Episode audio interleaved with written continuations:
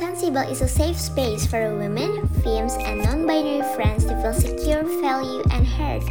I'm Nesha, and welcome to Sensible Podcast.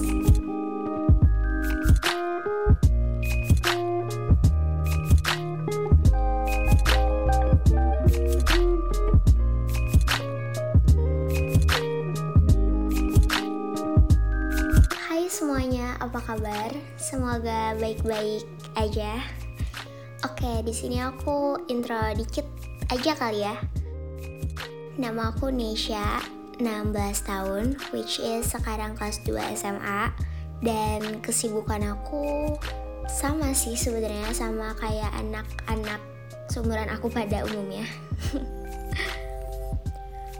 Oke, di topik kali ini aku mau bicara tentang self love.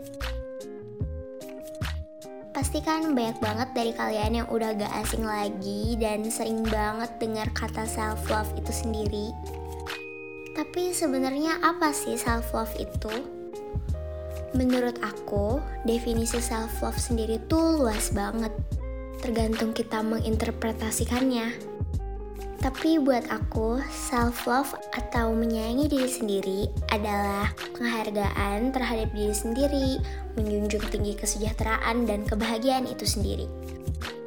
But that doesn't mean self-love is selfish. Terus, kenapa sih self-love itu sebegitu pentingnya? Apalagi di zaman tanda kutip kita sekarang ini, banyak banget hal-hal yang bisa bikin kita ngerasa worthless. Example, your friend making fun of you. Kayak bilang, ih lo kucel deh, jelek banget. Padahal gak ada yang salah sama diri kamu. Dan kamu jadi mikir, oh iya ya, apa aku emang sekucel itu, sejelek itu? Atau karena kulitku, rambutku, badanku,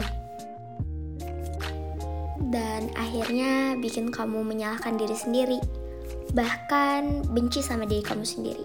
Padahal nyatanya nggak ada yang salah dari kamu. Coba kalau kamu lebih sayang sama diri kamu sendiri, kamu nggak bakal tuh terpengaruh sama hal-hal yang bisa bikin kamu ngerasa worthless. Apalagi sama hal sekecil itu. Jadi menurutku di sinilah pentingnya self-love berperan dalam kehidupan kita sebagai generasi Z atau milenial.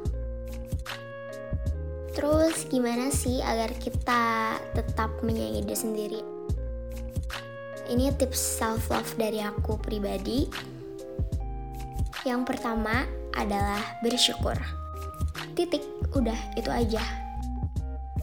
Bersyukur sama apa yang kamu punya, bersyukur sama Tuhan yang udah kasih segalanya buat kamu, bersyukur kamu bisa ada di posisi sekarang ini, dengerin podcast, contohnya itu.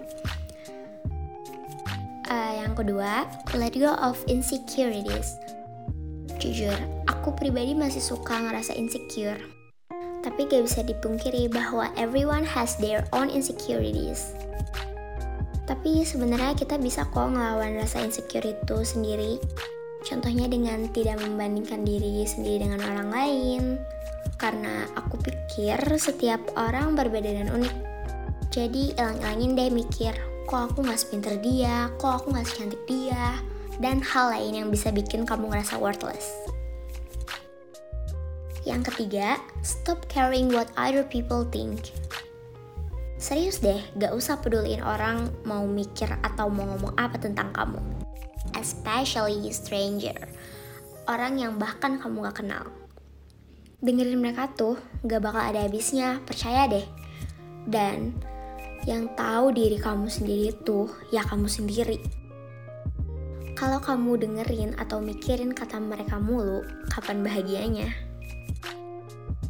Yang keempat, ubah mindset kamu. Sebenarnya ini masih berkaitan sama tips yang sebelumnya sih. Kalau kamu mikir masih ada yang salah sama kamu, kayaknya kamu harus benar-benar nerapin tips ini sih. Jujur, siapa yang masih suka mikir kok aku gak secantik dia? Apa karena kulit aku? Atau rambut aku? Coba tanya sama diri kamu sendiri. Emang apa yang salah punya kulit atau rambut kayak gini? Udah tuh, kalian pikirin aja bener-bener. Semoga ketemu jawabannya. Yang kelima, at last but not least, me time.